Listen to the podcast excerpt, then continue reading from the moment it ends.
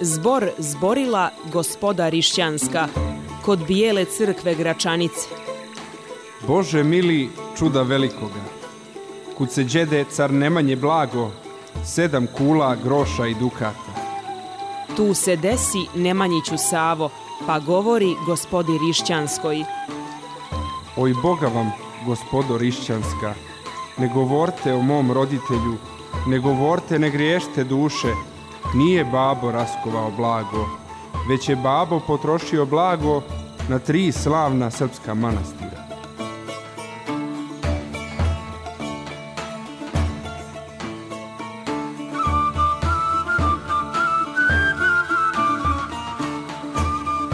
Zbor zborila gospoda Rišćanska. Zbor zborila gospoda Rišćanska.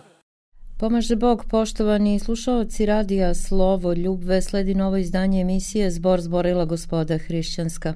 U okviru novog semestra predavanja Škole pravoslavne duhovnosti pri crkvenoj opštini Novosadskoj 25. februara 2024. godine je u svečanoj dvorani gimnazije Jovan Jovanović Zmaj u Novom Sadu besedio profesor dr. Stamenko Šušak. Uvaženi kardiolog govorio je na temu neskrivena krstolikost čoveka.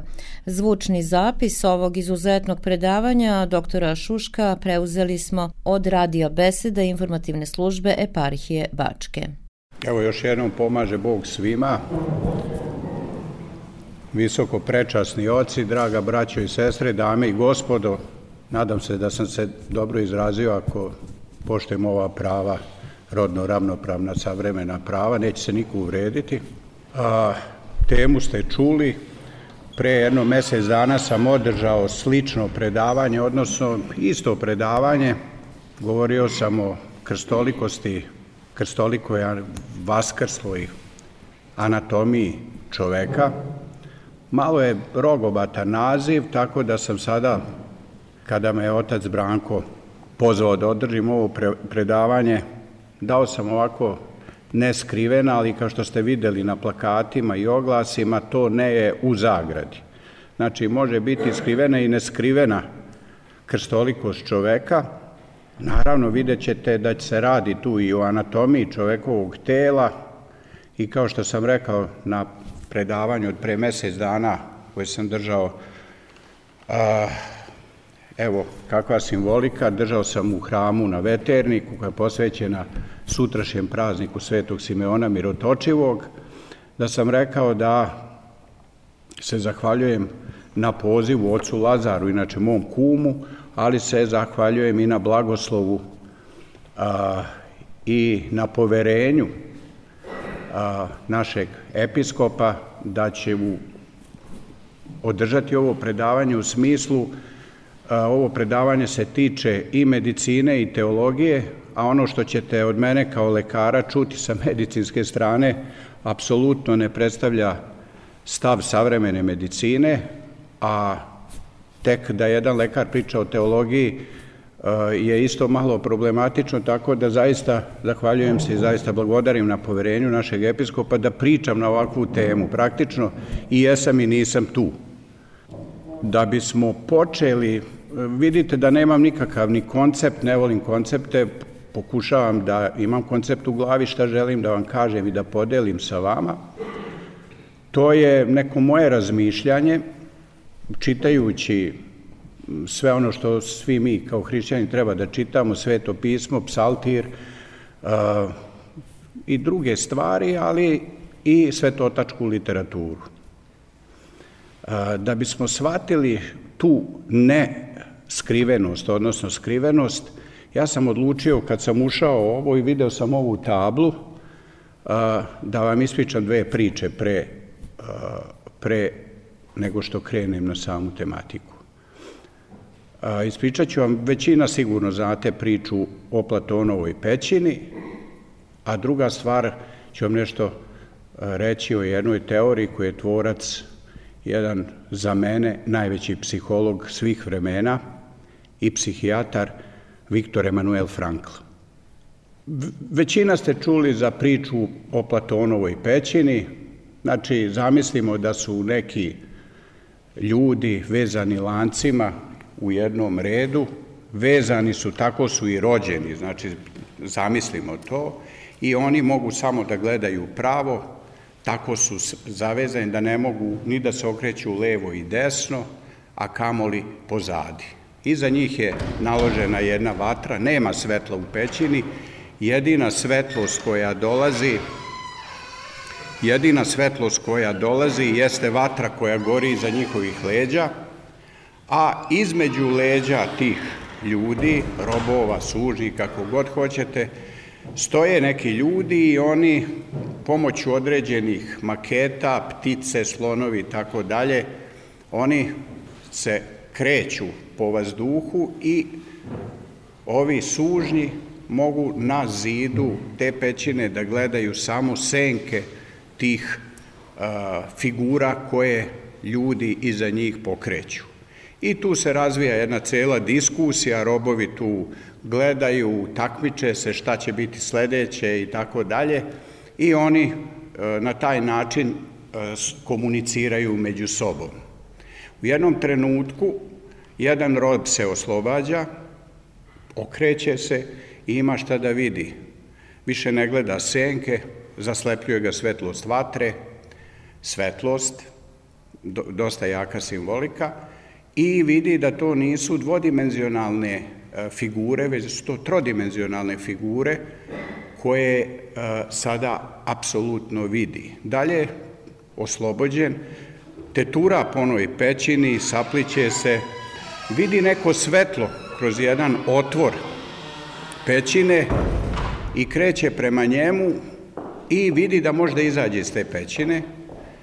E sad izlazi na pravo svetlo, sunce, i u tom momentu pada na zemlju, zaslepljen tom svetlošću, ostaje tako jedno vreme i onda kada mu se vraća vid, šta sad sledeće vidi? Vidi svoju senku. Jako simbolična priča i tek na kraju on može da pogleda u sunce. Vraća se u tu pećinu i sada šta radi? objašnjava tim svojim drugovima koji su i dalje vezani, objašnjava da su u zabludi, da ceo svoj dosadašnji život da žive u zabludi, da, je, da su to senke, da to nije stvarno, da je to samo senka nečega što postoji, da je u sasvim drugim dimenzijama, međutim, drugovi mu ne veruju, smeju mu se i, kako kaže Platon, kad bi, kad bi neko mogao da oslobodi te njegove drugove, oni bi ga čak i ubili. Naravno, Platon, e, vi shvatate e, zbog čega ja ovo govorim, govorim da mi zaista trebamo da gledamo ne našim čulnim očima, već našim umnim očima. Platon je ovo napisao zbog njegove rezignacije, zbog ubistva Sokrata, o tome nećemo ovaj, ulaziti u tu priču. Dakle, To je prva priča. Druga priča, zato sam uh, istavio ovu tablu, Viktor Emanuel Frankl, zaista psiholog, uh, psihijatar koji je nadmašio svog učitelja, uh, Sigmunda Freuda, ali i ostale, i Junga, i Adlera, i Froma, da ne nabrajemo druge. Kratko, Frankl je bečki jevrej koji je završio u logoru i on je tvorac neke logoterapije, terapije smislom, preporučujem vam te knjige da pročitate. Hrišćanske su, čak pravoslavne po meni. On je preživeo logor i video je ko je, ko je preživeo logor, onaj koji je imao smisao za život. Smisao i kada se on vratio iz logora, on je krenuo da leči on je bio psihoanalitičar, Freudova škola, međutim, e, interesantna je priča o njegovom gotovom doktoratu koji nestaje, uništen je u logoru, svi su nosili zlato, a on je ispod kaputa nosio svoj doktorat. Da ne bi ovo predavanje trajalo dugo, pročitat ćete to i e, te tri knjige, naročito ta, ta njegova autobiografska knjiga kod nas se zove Zašto se niste ubili, karakterističan naziv, zašto? Zato što je on, kada mu dođe osoba sa psihičkim problemima, on, zamislite šta pita doktor pacijenta, kaže, pa vidite, težak vam je problem, zašto se ne ubijete? I pacijent onako ostane u, u čuđenju. Ja dođem kod doktora, on mi sada nudi da se ja ubijem, da je to nerešivo i onda čovjek pođe da razmišlja pa koji je stvarno razlog zašto se ja ne ubijem. I on je krenuo onda u terapiju, to mu je bila polazna tačka. Naravno, e, e, ja bih uvek za nas koji verujem da smo verujući, nikad ne bi rekao šta je smisao našeg života, već ko je smisao našeg života. E, on je tvorac jedne trodimenzionalne ontologije. Povezana je priča sa ovom Platonovom pećinom. Zamislite da mi imamo, uh, mi imamo trodimenzionalni vid, odnosno imamo četvorodimenzionalna čula u smislu da možemo da pratimo, da gledamo tri dimenzije, visinu, širinu, dubinu, ali možemo da pratimo i pokret. To su četiri dimenzije. I mi, na primer, jednu čašu, je li tako, mi vidimo kao čašu. Ovo je čaša. E sada, Frankl uh, kaže da sada pokušamo da zamislimo šta bi bilo da imamo dvodimenzionalni vid. Znači, da svetlo usmerimo ovde zid i ovde zid, svetlo usmerimo uh, kroz duži deo čaše, šta ćemo dobiti na zidu? Dobit ćemo pravudonik, je tako? A ako svetlo usmerimo od ozgo, šta ćemo dobiti na podu? Dobit ćemo krug. Vidite kako da imamo dvodimenzionalni vid, gledamo jedan te isti predmet, okrećemo, ne vidimo isto. A mi vidimo sad ovde čašu. Ili isto to posmatramo, evo ga, posmatramo čašu, je tako? Posmatramo kupu, posmatramo loptu. Ovo je zid. Usmerimo svetlost od ozgo, šta ćemo dobiti na podu? Krug, krug, krug. Oči nas varaju. Tri različita predmeta gledamo, a dobijamo istu sliku.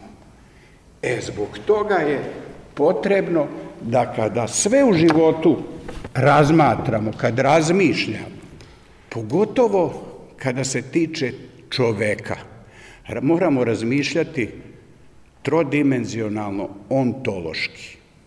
Ako odemo u drugu pravcu, u subdimenzioniranje čoveka, mi ćemo praviti grešku. Mašimo cilj 100%. A ako je u pitanju medicina, promašaj cilja, jeste amartija greh, se kaže, to je greh, mi možemo napraviti grdne probleme ne samo po tog čoveka, već možemo napraviti probleme i po celo čovečanstvo. E sad, idemo na tu skrivenu za nekoga, za nekoga neskrivena krstolikost čoveka. Vi rećete, nije to samo čovek, to su i organi, određeni organi. E sad, nećete mi zameriti, ja ću Ja ne volim da sedim i ne volim koncepte, ne volim ništa, ja ću ustati da bih, da bih možda lakše komunicirao sa vama, ali da vidite. Jesmo li krstolika bića? Pa jesmo. Evo. Znači, ako stanem ja ovako, ja sam krst. Ali ako stanem ovako, ja sam petokraka. E sad, kako god vidite, Da Vinci je prikazao čoveka kao petokraku i to su uzeli određena društva, antropozofi, razna ezoterijska društva i tako dalje. I ok, ja nemam problema ni sa tim. Neko okrene tu petokraku pa dobijate drugi, drugi lik, jel? I to su za nas i moguća opasna učenja. Međutim, da li smo mi bića koja stojimo ovako? Ne. U lestvici Svetog Jovana Lestičnika jeste da je ona namenjena monaštvu, ali tu imate najbolji opis šta je, kakva je to krstolikost našeg bića. Kaže da mi stojimo jednom nogom, jednom nogom stojimo na zemlji, idemo, krećemo se napred, znači nismo ukopani u zemlju i idemo i na, iskoračili smo jednom nogom prema napred. Znači, jedna noga je fiksirana za zemlju, to označava ovaj svet, ali druga noga je napravila iskorak, to je naš put ka napred, ka budućnosti, ovo vremenski, odnosno ka večnosti, to jeste ka carstvu nebeskom koji nas sve čeka. E sad vidite, krst ima svoje simbole, krst je jedan simbol, jeste da se koristio za mučenje i za stradanje kriminalaca i na kraju završio je sam gospod. Šta znači ta horizontala, a šta znači vertikala? Filosofi su to objašnjavali i objašnjavaju da je horizontala naša imanencija, da je vertikala jedna naša transcendencija. Znači, da naša vertikala, da, da je to ne, vertikala inače označava nešto što je nama životodavno. Mi hrišćani znamo da je naša vertikala, ali horizontala kasnije je bila, to ću da na, na kraju pokušam da objasnim, jeste naša vertikala. Šta je naša vertikala? Pa od glave pa skroz dole do stopala. Naše lice, naša glava ide i gleda napred. Znači, mi, mi ne idemo ovako, kao životinje, jer tako, ne gledamo u zemlju. Nismo geocentrični. Ne gledamo ovako, izuzev monaha koji izgovaraju Isusovu molitvu u karakterističnom položaju, ni antropo, nismo antropocentrični, ta glava kod monaha je usmerena ka srcu. Znači, mi gledamo napred. I gledajte, a kaže se da smo stvoreni po licu i po dobiju. E sad lik. Taj lik, on gleda napred. I zamislite lice na starogrčkom prosopon. Čovek je anthropos. I jedna i druga reč znači onaj koji gleda napred. Pros ima ops. Ops je tamo jedan oblik glagol opopa, što znači gledam, posmatram, ops, observacija je odatle nastala reč. Znači, gledam napred, gledam u večnosti. Pa naša slovenska reč čovek je čelovek, čelavijek na ruskom. Čelo koje gleda uvek u večnost. I vidjet ćete na licu isto je krstoliko. Znači, to je vertikala koja je životodavna, znači mi ćemo da uzrastamo i, na, i krećemo se vertikalno, idemo prema Bogu. Znači, da definišem da vertikala je nešto što je nama transcendirajuće, ono što nam daje život, a šta je horizontala? Horizontala je zašto nam služe ruke? Da zagrlimo prijatelja, da obrađujemo prirodu, zemlju. To vam je sve. Ekonomija, ekologija, naš odnos prema bližnjim, naš odnos prema sebi. Znate, sa ovim rukama mogu da ubijem, mogu da zagrlim, mogu sebe da ubijem, mogu da nekom pomognem, mogu nekome da odmognem. To je naša imanencija. Znači, odnos sa, sa celokupnom stvorenom, vidljivom i nevidljivom prirodom. To je naša horizontala. I sada, kako je Bog stvorio čoveka? Da bismo shvatili tu krstolikost koju pokušavam da kažem, o kojoj pokušavam da govorim, moramo da znamo kako smo stvoreni, odakle mi to dolazimo. Pa mi smo zemlja. Šesti dan, znate, ili period, bolje rečeno, prvih pet dana je stvoreno sve vidljivo, nevidljivo do čoveka.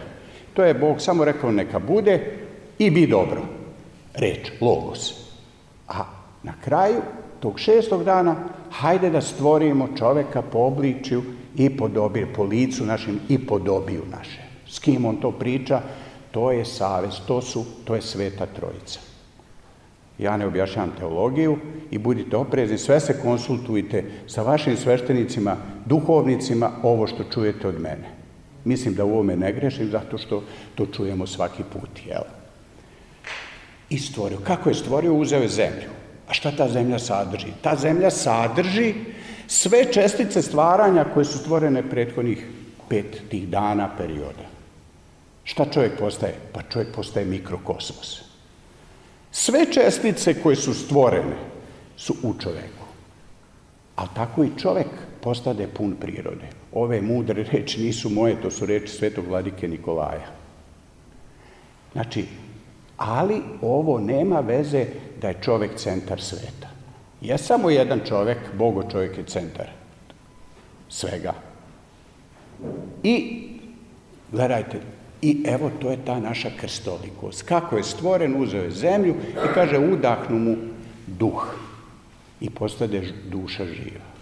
Taj duh, to je, to je, to je taj život, životodavni na energija koja je data prvom čoveku, a kasnije mi imamo kao trodimenzionalna bića, tri ipostasna bića, telo, dušu i duh.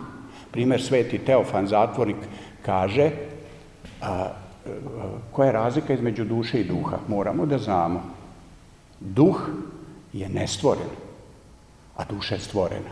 A su iste, to je ista suština energije s tim što ta duša je niža energija u odnosu na taj duh, a ta duša nije neslovesna, ona je slovesna. I to je jako bitno. To ćete vidjeti kad budemo govorili o našim nagonima. O jednom organu koji je jako bitan i koji je isto krstolik, koji predstavlja u Svetom pismu, naročito kod Davidovih psalama koji predstavlja naše nagone, strasti i tako dalje. I kad mu udahnu taj duh života, zemlja postade slovesna i dobija ono grleno H u e, starojevrejskom jeziku, ono grleno H koja, koja označava da je to sad nešto što je slovesno. H Adama je zemlja, crvena zemlja, a H Adamah je Adam, prvi čovek. Na tome će se zaustaviti što se tiče ovoga. Gledajte sad kako smo mi veličanstvena bića. Stvoren, stvoreni smo i zaista imamo ruke, imamo telo, imamo udove, kompletno sve. I gde je centar našeg tela? Naravno, ja uh, tokom ovog predavanja, molim vas, nema nikakvog prizvuka veličanja bilo kog organa, da budem jasan, ali na spoju horizontale i vertikale nalazi se srce. Srce je kao kao neki klin koji je našu horizontalu zakucao za našu vertikalu. Što kaže pokojni vladika da nas je na jednom predavanju, šta smo mi ako smo samo vertikala, pa teturat ćemo se, pašćemo, a da smo samo horizontala, šta neka levitirajuća letva koja leti na zemlji isto kad tresne, ne može da opstane. Jedino na ovaj način čovek opstaje. E sad, Srce. Srce je organ vrlo čudan. Sa medicinskog stanovišta srce je jedna mišićna pumpa koja je zadužena za cirkulaciju krvi kroz ceo naš organizam.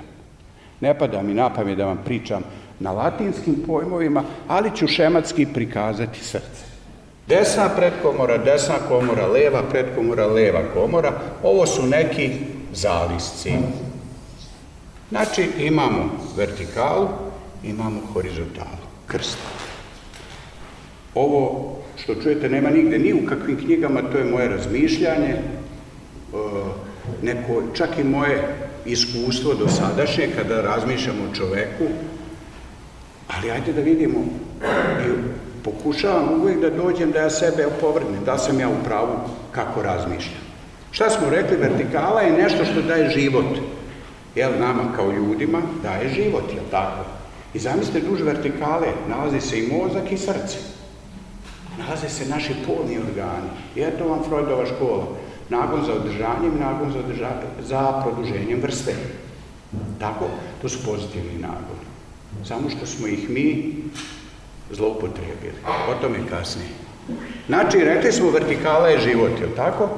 A otprilike ovako ide tu prolaze putevi koji daju signal da srce radi.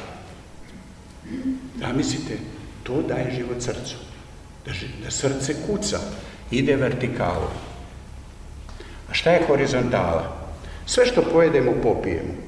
U našem organizmu se prerađuje, imate celu, jedan vrlo komplikovan proces u metabolizmu i neka venska krv pomoću dve šuplje vene iz glave vrata i tako dalje i iz gornjeg dela grudnog koša i ovo iz celog donjeg tela ulazi u desnu predkomoru, prolazi kroz ovaj zalistak, iz ovog zalistka ide kroz drugi zalistak, odlazi u pluća, u plućima dobija kiseonik i kiseonik, krv bogata kiseonikom dolazi sad u levu pretkom, prolazi ovaj zalistak i kad se stisne leva komora, odlazi u ceo naš organizam. Šta sam rekao? Šta je horizontala? Naš odnos sa okolinom. Šta je to? Uzimamo hranu, uzimamo vodu, pijemo. Sve će to doći tu. Udahnem, vazduh je ovo zemaljska tvar. Udahnem, dobijem kisonik, sad će proći kroz to. Odnos srca sa okolinom. E, Sveti Luka Krimski, Taškenski, Simferopoljski, veliki svetitelj, jedan od mojih najomiljenijih svetitelja, on je bio hirurg. On je bio lekar, savremenik naš, koji je pisao naučne radove kao što i mi danas moramo. Ima knjiga, gnojna hirurgija i tako dalje, ali svetitelj. E, jedan od načina lečenja, na, on je naučio od jedne bake koja je a, ga je naučila u jednom selu gde je on bio u izgnanstvu. Lečenje protoplazmom, kako on kaže, odnosu sa blatom, sa zemljom. Otkopate površi svoje zemlje, nemojte vi, molim vas, da isprobavate. Sveti Luka je bio čovek koji je komunicirao i sa Bogom, ali je bio i lekar. Ne, ne preporučujem ovaj, tu metodu, ali ima istine i zaista je tako. Sveti Luka i kaže da je srce organ najvišeg ljudskog poznanja.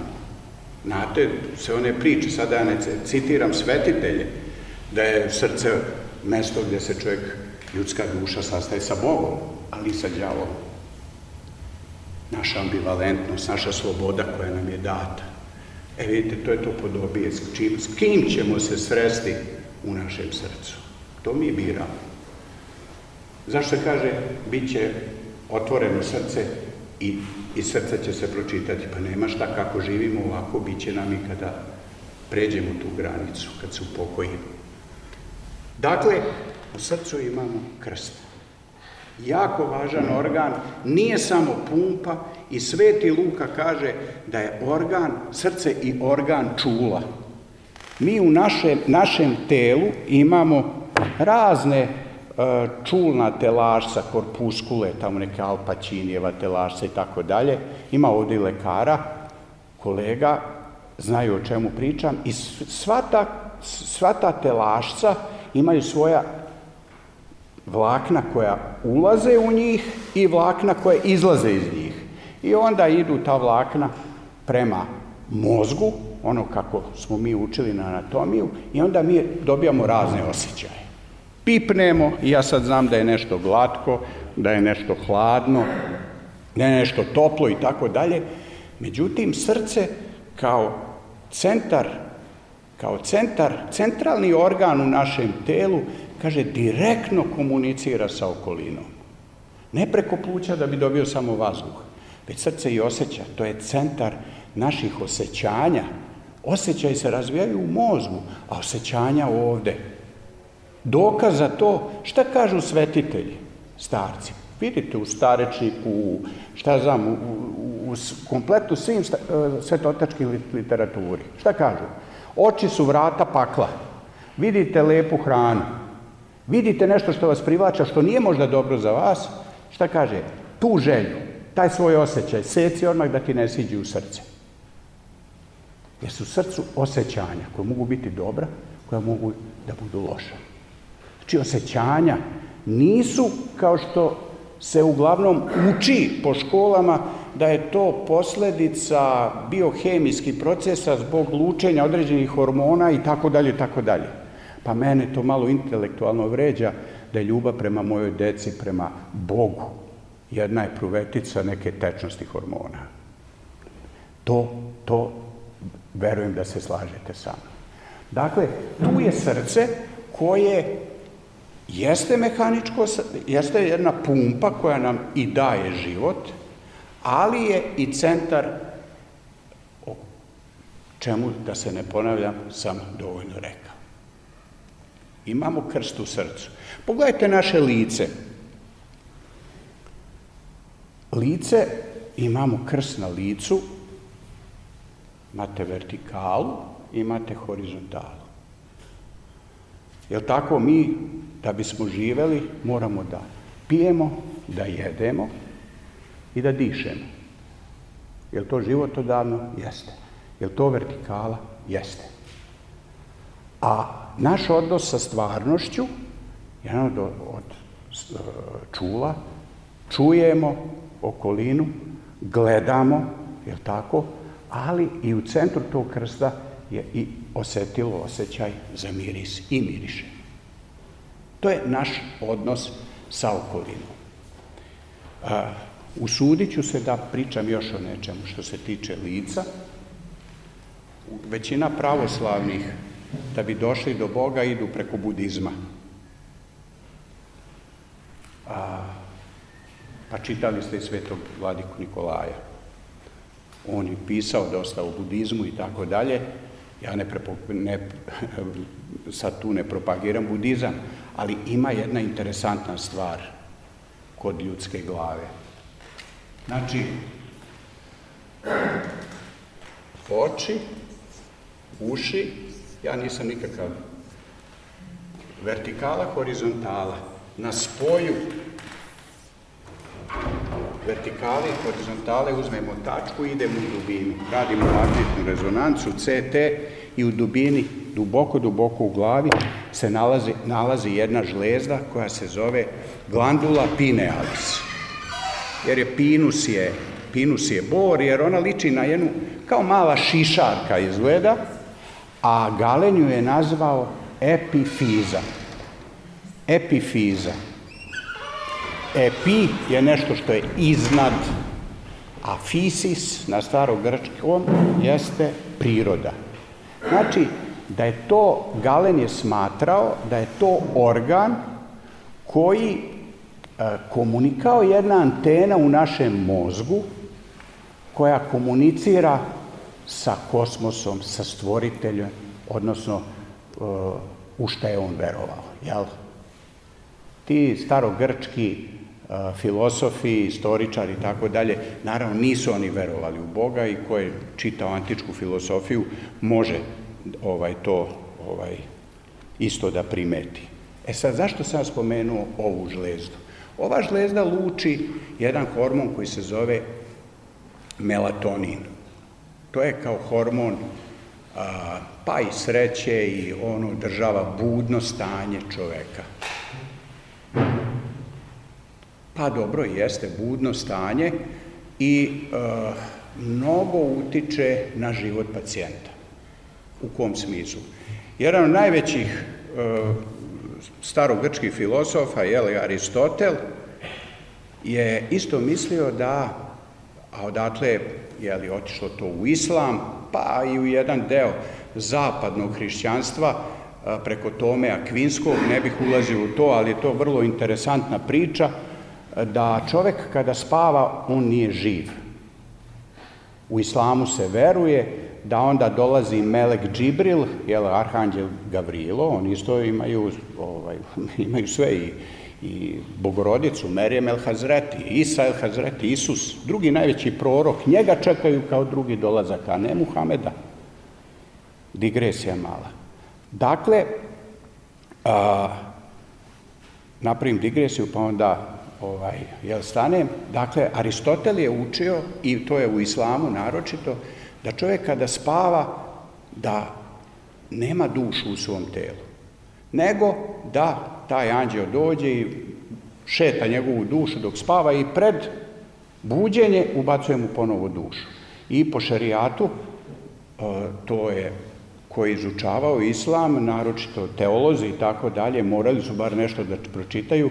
Kada ubijete čoveka tokom spavanja, ne odgovarate na sudu e, na isti način kao kad ubijete čoveka koji je u svesnom stanju. E vidite, taj melatonin utiče na uh, svesnost tog pacijenta. Onda su dokazivali, postoje određeni radovi gde, su, gde je dokazano da taj melatonin se jako luči tokom a, tokom a, kada je čovek srećan, da postoje, da se tada menjaju ti talasi na elektroencefalogramu mozga, naročito, naravno, to su zapadnjaci, kaže tokom molitve, naravno svačija iskrena molitva je apsolutno molitva, da ulaze u određeno stanje jednog duševnog mira i upravo se luči taj melatonin. Ja bih to lučenje, a, da bih opravdao možda neko naše pravoslavno učenje, nema to svako od nas. To imaju svetitelji. Ja lično mislim da ta epifiza se kod nas budi. Ona je, kako reče Galen, rudimentirani organ, kao zakržlja organ. Ta žlezda se budi kada, to je neko moje uverenje, kada mi doživimo preumljenje. Sveti apostol Pavle, na primjer.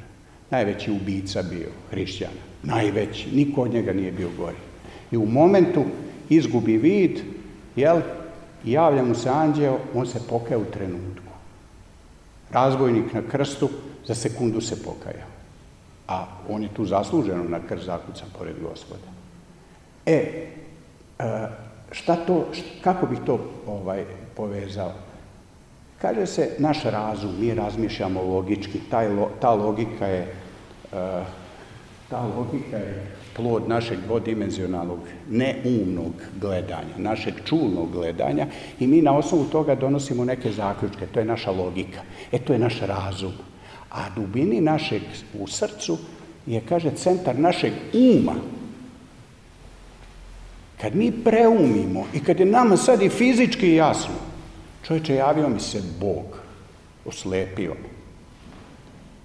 U tom momentu dolazi do spajanja praktično taj razum se ide prema umu. Pokojni profesor Jerotić stvarno imao se velik blagoslov što sam ga poznavao i a pogotovo držali smo i par predavanja i tako dalje.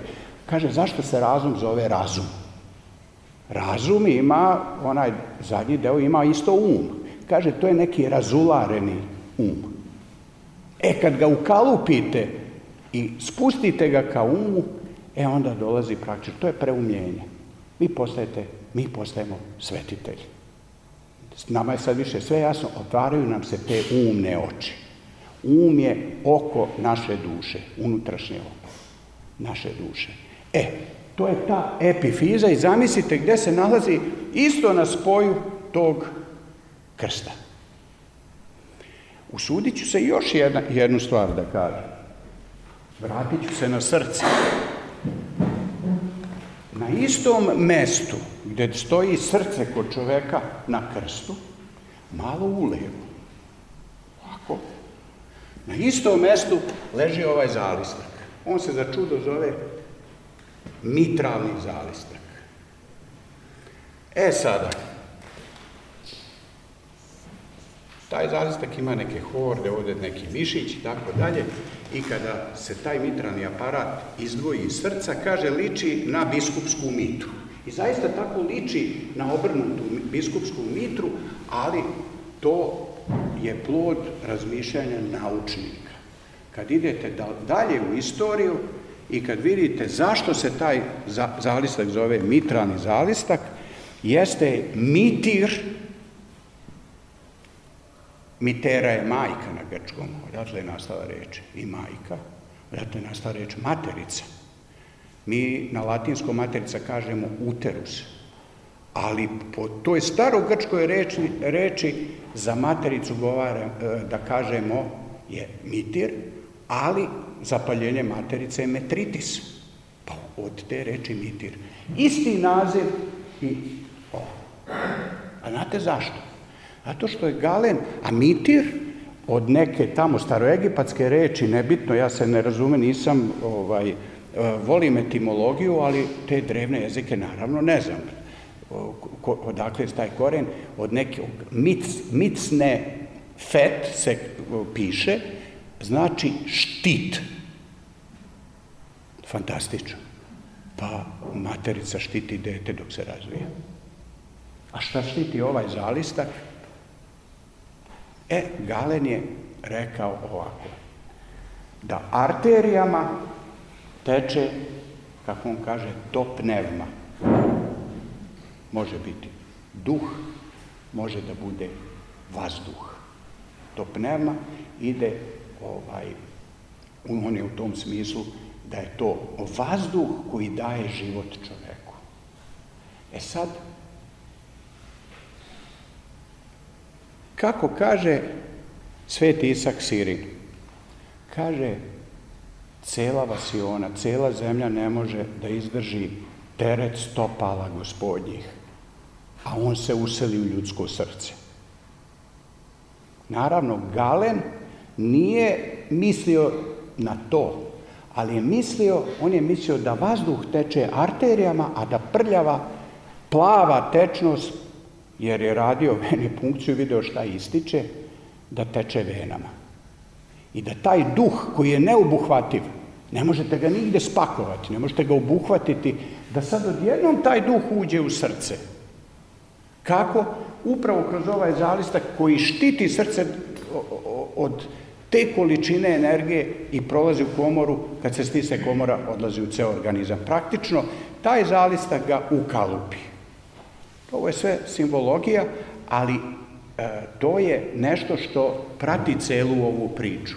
Ti filosofi su razmišljali, nisu imali neka, nauč, neke naučne metode kako da dođu do saznanja, ali su razmišljali, vidi da čovjek živi i tako dalje. Tek kad su počele obdukcije, kad su je počelo če, e, kad se nauka počela razvijati, videli smo da protiče a, svetla krv. Da li je Galen bio u pravu, odnosno u krivu? Bio u pravu. Pa vazduh teče arterijama. Velika koncentracija kiselnika. Teče tim arterijama. Samo vezano za hemoglobin. Ide krvlju. Znači, na istom mestu i se nalazi, znači, gde se nalazi srce, to je mitralni zalist. Sledeća stvar, krenuli smo znači od lica, došli smo na srce i imamo još jedan divan organ. Mi se celog života borimo sa našim nagonima, sa našim strastima. Sveti Josif iz Sihasta u svojim, tako da kažem, ispovestima je rekao da podvizavajući se decenijama na Svetoj gori. Jel? I sihasti su ljudi koji stalno izgovaraju Isusovu molitvu. Jel? Gospode Isuse Hriste, Sine Boži, pomiluj me grešnog. Ima cijela jedna tehnika kako se to izgovara.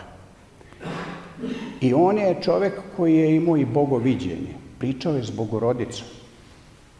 Imao je razna iskustva znao je da sve kaže o vama, i ime, i prezime, odakle dolazi, da priča, e, on nije imao nikakve škole, on završio osnovnu školu. Tada realne gimnazije, već kako se zvale, ali dođe mu Nemac, neki on priča sa njim. Izlazi Nemac i on plače i ovaj plače. Kao i sa našim pokojnim starcem Tadejem, koji sam isto imao veliki blagoslov da sam ga poznavao. Bio sam prisutan čovek. Niti ovaj zna nemački, niti ovaj nemac zna srpski jezik. Isplakaše se obojica. I kaže on, pa kaže, znate, teško je s Bogorodicom pričati, a sa Joak, svetim Joakimom Janom je malo lakše, kaže, pričati. I posle toga, znači sve je to on doživeo, ali kaže, posljednje su me Poslednje što me je napustilo, ja neću ovaj, e, da se, da kažem glagol koji je on rekao, nema tu ništa vulgarno naravno, ali napustili su ga strasti. Te strasti su nešto što su, jeste životna energija. Naše strasti, šta je, šta je to je, ta, to, je, to je naša duševna energija. Da su strasti negativne? Nisu. Zašto? Pa i te duševne strasti je stvorio Bog. Sve što stvori Bog je dobro. Međutim, mi smo te strasti izvitoperili. Jel mi imamo naša semena u polnim organima? Imamo. I žene i muškarci. Bog je to nama dao zašto? Da bi se rađala deca. Šta mi smo radili? mi smo to zloupotrebili. Mi smo to krenuli na blud. Jel imamo mi gnev u sebi? Imamo, ali gnev prema zmiji. Isto ovo nije moja pamet, ovo nije moje razmišljanje, ovo piše Hristo Jana Ras u teologiji dela. Pročitajte. Znači, mi imamo te nagone, ali je naša sloboda, Bog je nama mogao reći, jednostavno da nam ne da slobodu, onda mi bismo išli kao i životinje, ne bi imali slovesnu dušu, ne bismo bili slobodni, ali ne bismo pogrešili. Ali ta sloboda da budemo kao Bog, tako je, je tako? Satan je prevario Adama. To je vladika Tanasije jako slikovito na jednom predavanju rekao. Kaže, vidite u našim tim, u našem arhetipu, a to teolozi znaju da postoje takozvani takozvana semena, logi spermatiki. Ta semena, mi smo isklijali, jel? mi smo stvoreni od zemlje. E, u tim semenima se nalazi kod nas Bog. I mi jednostavno, nikad nisam čuo da se zove Bog, ali znamo šta je Bog. Šta je zmija rekla? Ako uzmeš taj plod sa drveta poznanja dobre zla, ti ćeš postati kao Bog. I kako reče vladika Tanasije da mu je rekla bit ćeš kineski car, njega se to ne bi doticalo, ali ga je dotaklo to bit ćeš kao Bog i prevari ga. Znači ta naša sloboda nas je zloupotreba slobode. To se, to, to se zaista moramo jako, jako čuvati.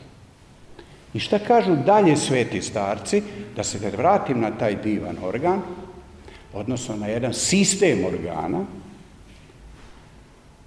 a tiče se naših nagona, u ovom slučaju to ženski organ, ali i mi muškarci imamo, to su polni organi. I kako kaže, kako kažu sveti starci, kaže Bog je naše strasti, što kaže Freud, naš id. Znate da on kaže id, ego, super ego. Jel?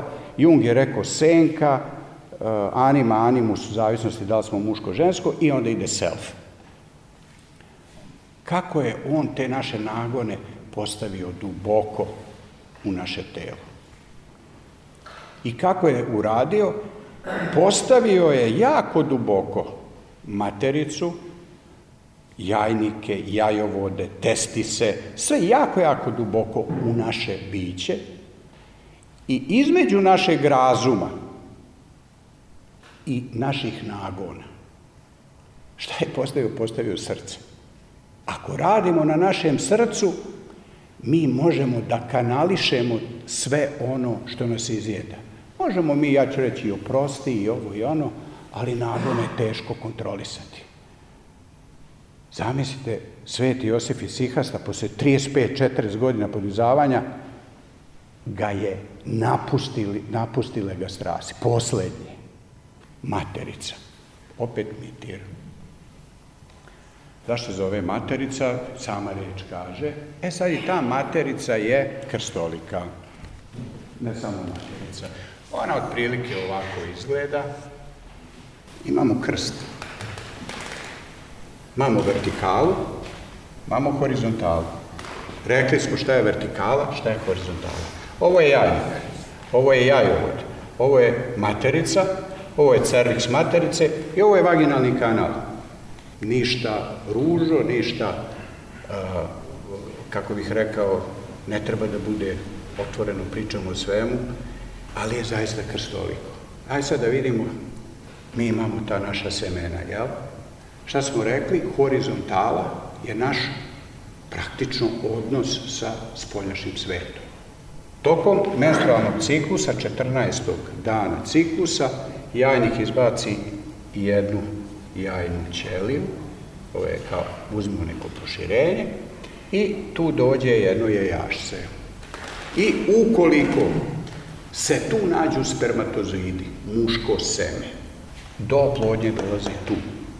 Da li je to odnos žene koja je vlasnik te koja nosi tu matericu sa okolinom? Jeste, sa svojim mužem.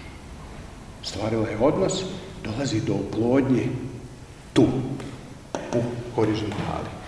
A gde se nastavlja život tog oplođenog jajeta, to je već čovek.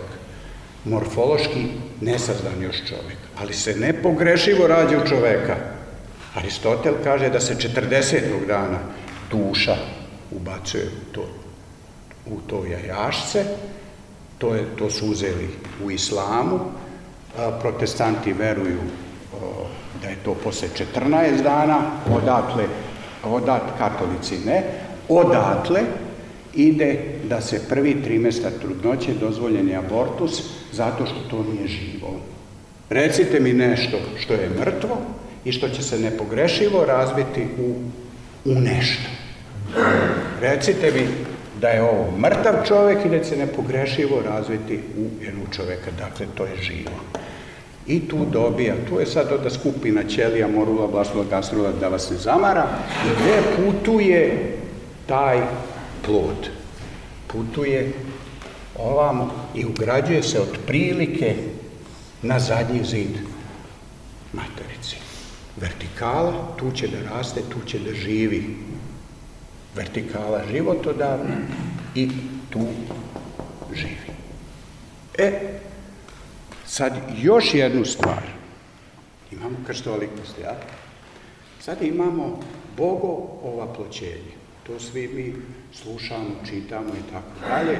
Znači, Hristos, Sin Boži, drugo lice Svete Trojice, on je mogao da siđe sa svim onim prestolima, serafimima, heruvimima, arhanđelima, anđelima, prestolima, da ne nabrajamo, u svoj slavi svojoj mogu i da siđe s neba i da mi gledamo onako, duševimo se, mada ja mislim da bismo ga mi opet razapeli. Kako je Hristos došao na zemlju? I to je, to pokušavam da sad napravim poentu svemu ovome. On nije došao s neba. On je mogao jednostavno, Bogu je sve moguće, da kao već stvorena beba jednostavno prođe kao kroz kanal izađe i rodi se. Ne. Kako se kaže da se ova ploti od Duha Svetoga i Marije Djeve? Znači, postoji seme, ali to je božansko seme. To je jašce oplođeno upravo tu. Zamislite, Bog, Sin Boži, do, vidite, ovo ja pričam sa naučne strane, ja nisam teolog, ali pokušavam sebi da objasnim, to se uvek pitao, šta znači ja nosim svoj krst? To ću na kraju pokušati da kažem. Bog nama postaje ne transcendentan, on je nama sad imanentan. On je ušao u našu horizontalu, razvio se, rodio se, deca oko njega, jeli, brat po ocu njegov. On su se igrali, smejali, majka hranila ga. Nama Bog postaje sada i horizontala i vertikala. E to je Hristos. I ako nemamo Hrista u srcu, jedino tada je to srce taj klin koji drži našu vertikalu i horizontalu da kao takvi odemo u carstvo nebesko. Kako se kaže u molitvi Bogorodice Djevo? ja isto neće biti preznak nekog mog poznavanja, bolje rečeno, nepoznavanja grčkog jezika. Kaže se, blagosloven je plod utrobe tvoje. To se kaže evlogimenoso karpostis kiliasu. Karpos je plod, a kilija je utroba. Zašto ovo govorim? Zato što se u sedmom Davidovom psalmu kaže da Bog ispituje srca i bubrege. O etazon, o etazon cardias kenefrus. Ne, e, imamo mog kolegu koji je urolog, zna šta nefrologija je nauka o bubrezima, upravo to nefrosto znači bubreg. Međutim, sveti oci te bubrege, sveti e, psalmopojac, car David, On je bubrege, pod bubrezima podrazumevao e, naše polne organe, naše strasti, naše nagone. I šta će Bog ispitivati? Ispitivaće naše nagone. I oni ne kažu bubrezi. Na mnogo mesta umesto bubrege kaže ispitaće našu utrobu. Naša utroba je sve, u tom smislu utroba tiskilija su, znači utrobe tvoje, utroba je i materica. A šta mi danas radimo sa matericom, sa srcem, sa, i sa veštačkim inteligencijama? Nisam protiv, daleko od toga. E, I molim vas da i ne shvatite i pogrešno, jel? Ima mnogo stvari koje mi možda radimo nau, u nauci, pa i mi svi, što radimo, tako se ponašamo, da zloupotrebljavamo sve. I naše srce u organskom smislu i našu matericu, da ne nabrajamo.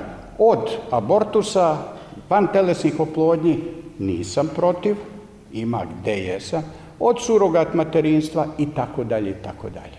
Ovaj krst jedini morfološki raste.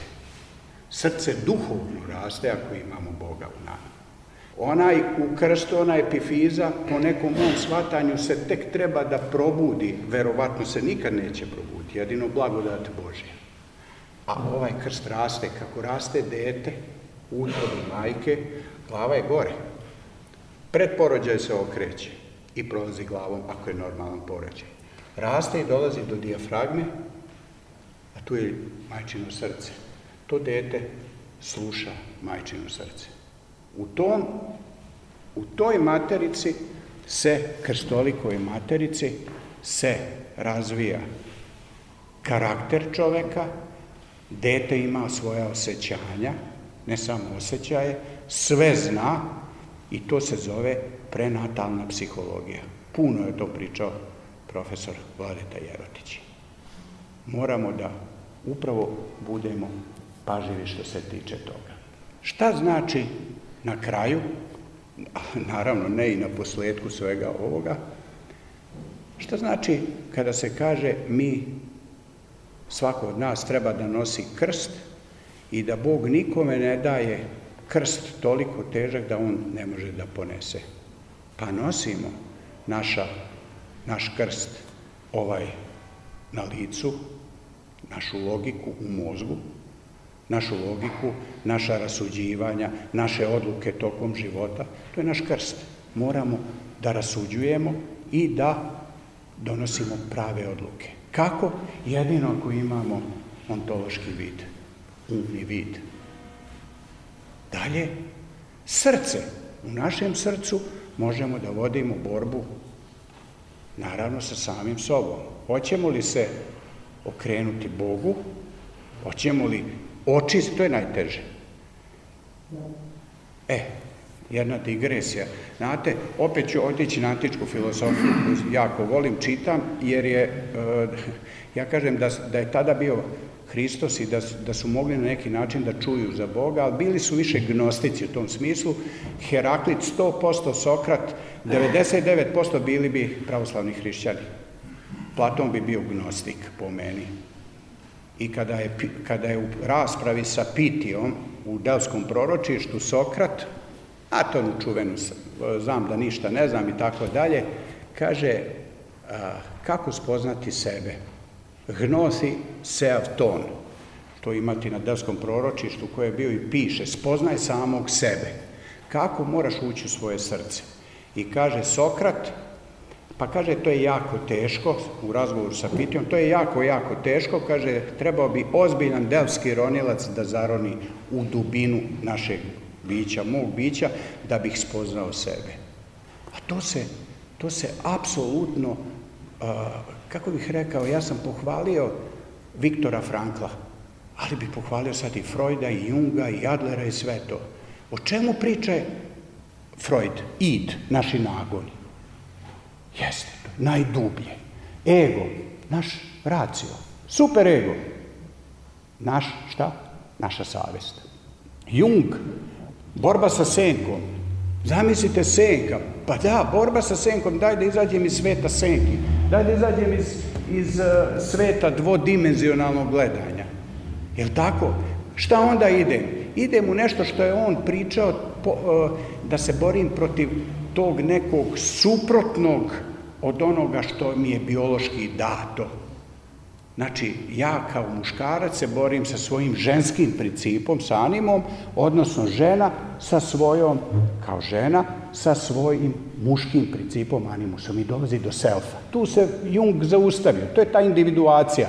Znate knjiga Individuacija ili oboženje, tu su čak i neki monasi napali pokojnog profesora Jerotića, a to je vrhunsko, jedno najboljih dela profesora Jerotića. On je pričao o individuaciji, on self, sobstvo, ono što sam ja. Pa ne idemo mi tokom našeg života do sebe, ja hoću do Boga. E, a to je oboženje. Individuacija ili oboženje. Znači, to je Jung pričao. Znači, treba da zaronimo. A za, možemo da zaronimo. Ne možemo po mraku da ronimo, trebamo da pustimo svetlo unutra. E, onda su sad ezoterijska razna društva to malo drugačije, to su okarakterisali unošenje svetla i tako dalje. Kako? Moramo imati, biti u podvigu. A to je onaj iskorak. Stalno idemo napred. Moramo, a ne možemo zato što smo bolesni. Kako ćemo se lečiti? Bolestan sam, pijem lek i nisam lekar, a Boga mi kad sam bolestan i da sam sto puta lekar, ne razmišljam ja o dejstvu leka. Niti me interesuje, već verujem tom lekaru kome ću se ja poveriti. Isto tako, a, sad ovo mi više ispada na a, neku propoved, a nisam sveštenik, ali moram vam to reći evo kao lekar. Jedino jedina blagodat koju možemo da unesemo fizički u sebe je Hristos, Bog, a to je pričešće. A onda će to polako početi delovati, pa ćemo malo razmišljati o sebi, pa nije, nisam ja baš tako dobar, pa ono, pa će nas nešto nagnati, idem da se ispovedim. I onda kreće strašna borba, ali smo već zaronili.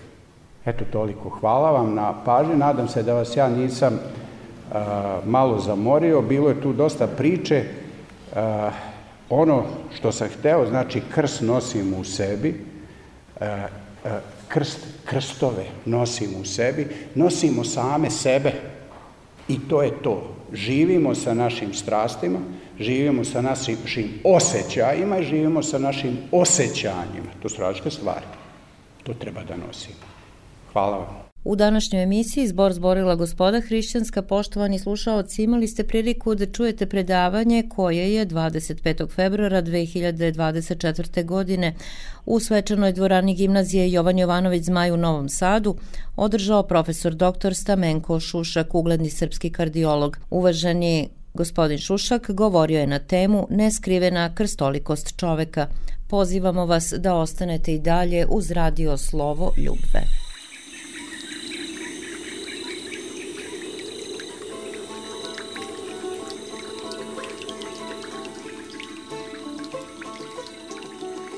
U glas viknu gospoda Rišćanska. Prosto da si Nemanjiću Savo, prosta duša tvojih roditelja, prosta duša čestito tijelo, što nosili svijetlo vam bilo, što rodili sve vam sveto bilo.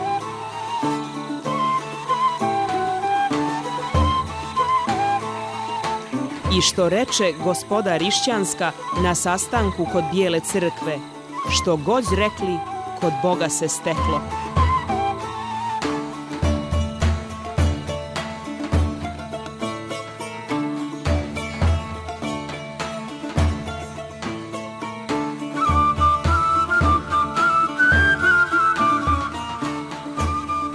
Zbor zborila gospoda Rišćanska. Zbor zborila gospoda Rišćanska.